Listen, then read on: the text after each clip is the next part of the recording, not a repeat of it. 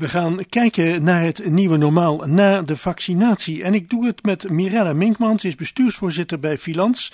Mevrouw Minkman, welkom. Goedendag, dank u wel. Even Filans. Wij zijn het eh, landelijke kenniscentrum eh, voor de langdurende zorg. Dus wij ondersteunen mensen die werken in de zorg samen met langdurende zorgvragen. Denk bijvoorbeeld aan ouderen of mensen met een beperking. Door allerlei vormen van kennis die zij kunnen toepassen in hun dagelijks werk. Ja, en hoe verhoudt zich dat dan met de vaccinatie en het nieuwe normaal waar u voor pleit? Nou, uh, dat verhoudt zich in die zin dat alle veranderingen die er zijn door de komst van de coronacrisis natuurlijk heel veel impact hebben, ook op mensen die werken in de langdurende zorg en ook op bewoners en cliënten. Mm. Dat er heel veel aanpassing van hun vraagt, natuurlijk in de manier waarop zij werkten, uh, ja, de plotselinge veranderingen die er zijn.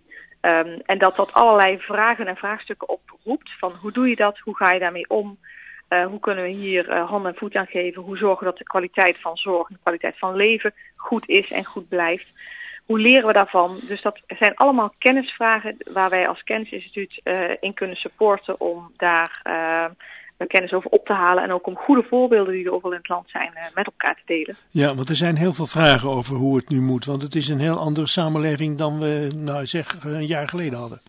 Ja, zeker, absoluut. Ik denk dat we in deze omvang de veranderingen die de crisis met zich meebrengt niet hadden kunnen voorzien, of denk althans de meeste mensen niet. Uh, dus dat vraagt zeker aanpassingen. Ja. ja. dat vraagt ook een soort van herbezinning op hoe doen we het eigenlijk in de zorg. En uh, wat willen wij behouden van de manier zoals we werkten. Maar wat hebben we ook geleerd van deze crisis en wat willen we meenemen ook in de tijden waar we op hopen. Zodat zowel bewoners als medewerkers weer wat, in wat meer vrijheid kunnen leven met behulp van de vaccinaties. Ja, ook vooruitkijken naar hoe het weer straks kan. Zeker, ja. dat is absoluut zeker. Maar ja. ja. vragen stellen, dat lijkt me toch wel moeilijk, want mensen zijn alleen bezig met mensen te verzorgen en de, de, werkdruk is hoog. Of komt er toch nog wel wat reflectie?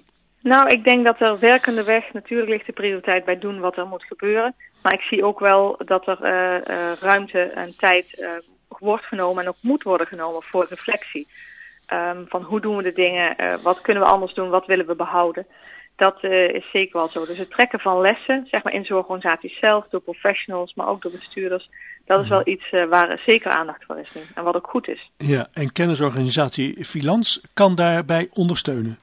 Ja, dat, uh, dat kan. Dat doen wij ook doordat wij in contact staan met heel veel praktijken, met heel veel organisaties, verpleeghuizen, organisaties in de gehandicaptenzorg, maar ook in de zorg voor mensen thuis.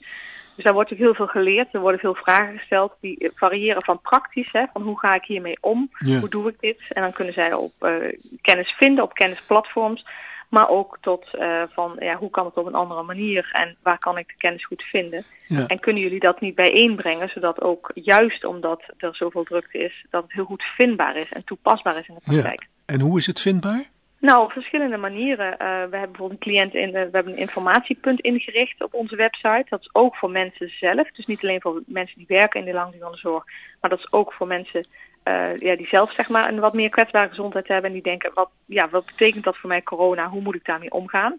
Dus dat is een zeer druk bezocht, uh, bezocht informatiepunt op onze uh, filans.nl website. Mm -hmm. Maar dat kan ook voor professionals weer wat meer via onze kennispleinen. Dat zijn platforms, ook websites, zoals bijvoorbeeld zorgvoorbeter.nl, waarop allerlei informatie te vinden is omtrent hoe uh, kun je omgaan met dat coronavirus. Van heel praktisch tot ook het meer leren.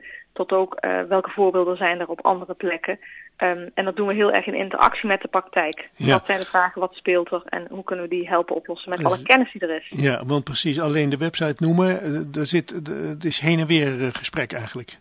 Absoluut, ja, ja, want het is vooral ook het helpen bij toepassen in de praktijk. Dus het is ook ondersteunen op locatie. Dat mm -hmm. doen we ook vanuit programma's, bijvoorbeeld het Waardigheid en Trots programma. Mm -hmm. Daarin hebben we ook coaches die op locaties bij zorgorganisaties uh, een helpende hand kunnen toesteken van wat komt allemaal bij kijken en hoe doen we dat hier op deze specifieke plek. Ja. Dus uh, nee, alleen van iets lezen zeg maar, en het dan doen, zeg maar, daar zitten vaak nog een aantal stappen tussen. Die zijn heel belangrijk. Ja, maar gewoon praktisch aan de slag gaan, dat is het beste natuurlijk. Maar mensen die dat helemaal nog niet weten, die kunnen bij filans.nl beginnen, hè? Dat kan, dat kan ja. zeker. Of bij de kennispleinen. Ja, absoluut. Ja, en daar staat ook allemaal, dat staat op die website van Filans, denk ik, hoe die kennispleinen te bereiken zijn.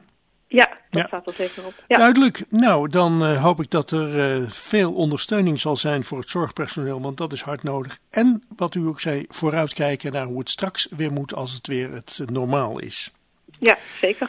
Ik dank u wel voor dit gesprek. Mirella Minkman, bestuursvoorzitter bij Filans, over het vaccin. En na het vaccin weer het normaal, maar wel blijven ondersteunen van de mensen die het moeilijk hebben in de zorg, in ieder geval. Dank voor het gesprek. Graag gedaan.